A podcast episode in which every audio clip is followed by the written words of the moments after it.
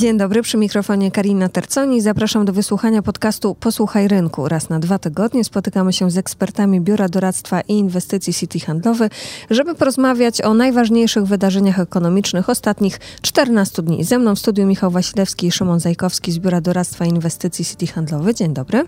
Dzień dobry. Dzień dobry.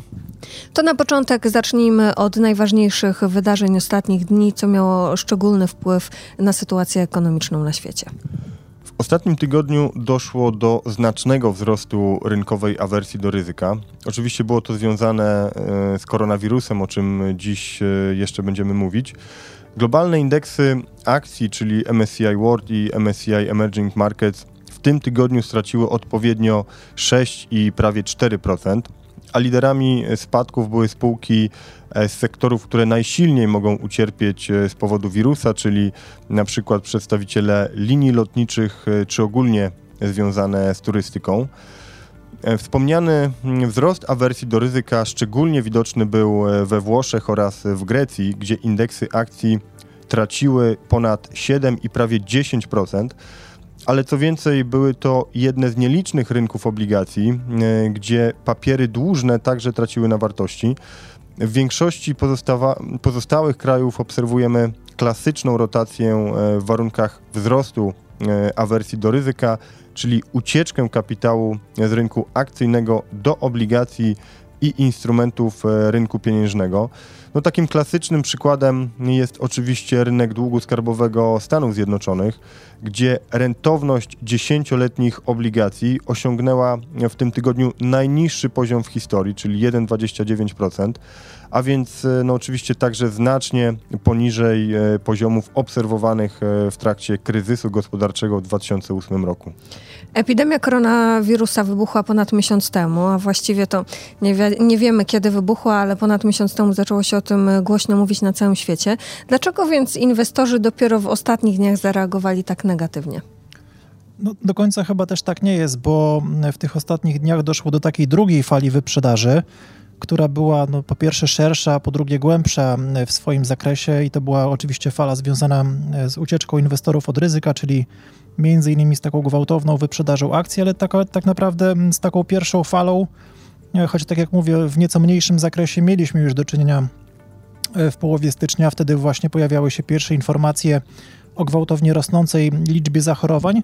Natomiast wtedy problem koronawirusa dotyczył wyłącznie Chin, e, a paniczne reakcje inwestorów e, głównie miały miejsce na rynkach azjatyckich. Natomiast teraz ta druga fala awersji do ryzyka pojawiła się w tym tygodniu po doniesieniach, że koronawirus coraz częściej wykrywany jest poza granicami Chin. E, gwałtowny wzrost liczby osób zainfekowanych odnotowano m.in. w Korei Południowej i w Japonii. No ale ta awersja do ryzyka ma związek przede wszystkim z gwałtownym wzrostem liczby infekcji we Włoszech. No i to właśnie doniesienia z Europy w najmocniejszym stopniu przyczyniły się do właśnie takiej gwałtownej wyprzedaży akcji w Europie, ale nie tylko, bowiem także w Stanach Zjednoczonych e, również cały czas tą wyprzedaż obserwujemy także na rynkach rozwijających się, w tym Polsce. Czy reakcja inwestorów jest uzasadniona, czy może mamy do czynienia z pewnym przereagowaniem? Zazwyczaj, y, gdy pojawiają się jakieś nagłe, negatywne informacje, inwestorzy faktycznie mają tendencję do przereagowania i, y, i w kolejnych dniach często dochodzi do odbicia na rynkach akcji. Jednak y, z koronawirusem wiąże się bardzo dużo niepewności, czyli jak dalej rozwinie się sytuacja i czy zostanie on opanowany, czy wręcz przeciwnie, epidemia dalej rozszerzy się. Dlatego też na razie e, nie ma mowy o szybkim odreagowaniu i też nie możemy e, jednoznacznie stwierdzić, czy, czy ta reakcja rynkowa to było faktycznie przereagowanie, czy tak naprawdę e, no jest, jeszcze jesteśmy być może na początku spadków na, na, na rynkach akcji. Jedno natomiast jest w miarę pewne, im dłużej e, wirus pozostanie nieopanowany, tym dotkliwsze będą skutki dla światowej gospodarki. Według e, danych Eurostatu Chiny odpowiadają za około 16% mm, globalnego eksportu, więc zatrzymanie dostaw e, z tego kraju w dłuższym terminie grozi znacznym spadkiem globalnej produkcji. Na razie światowi producenci sięgają po swoje zapasy, jednak gdy te się skończą, a nie zostaną wznowione dostawy z Chin, globalna produkcja może odnotować e, poważny spadek, a za tym idzie również e, poważne spowolnienie może dotknąć e, globalne PKB. A czy rządy największych państw lub ich banki centralne podejmują już jakieś działania, by zapobiec poważnemu spowolnieniu gospodarczemu? Zdecydowanie tak. Jeśli chodzi o rządy i banki centralne, to one tutaj wykazują rzeczywiście dużą aktywność i próbują wspierać gospodarki swoich krajów.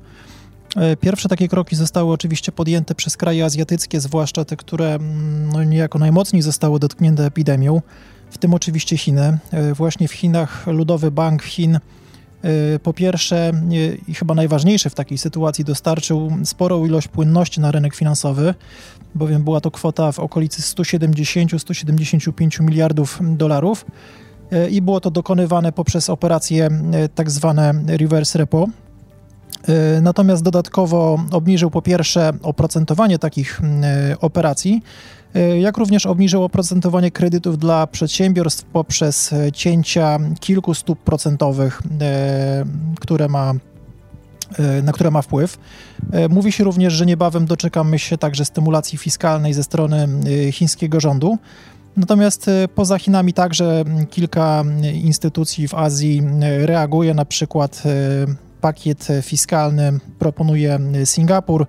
Stopy zostały ścięte także w Tajlandii i w Indonezji, czyli to są właśnie te kraje, które dosyć mocno zostały przez koronawirusa e, dotknięte. Natomiast jeśli chodzi o pozostałe regiony świata, no to poza właśnie Chinami, Indonezją, e, Tajlandią czy Singapurem. Najgłośniej jest o dodatkowym ponad e, dodatkowym pakiecie proponowanym przez Donalda Trumpa, jaki zamierza przeznaczyć z budżetu e, właśnie na walkę z epidemią.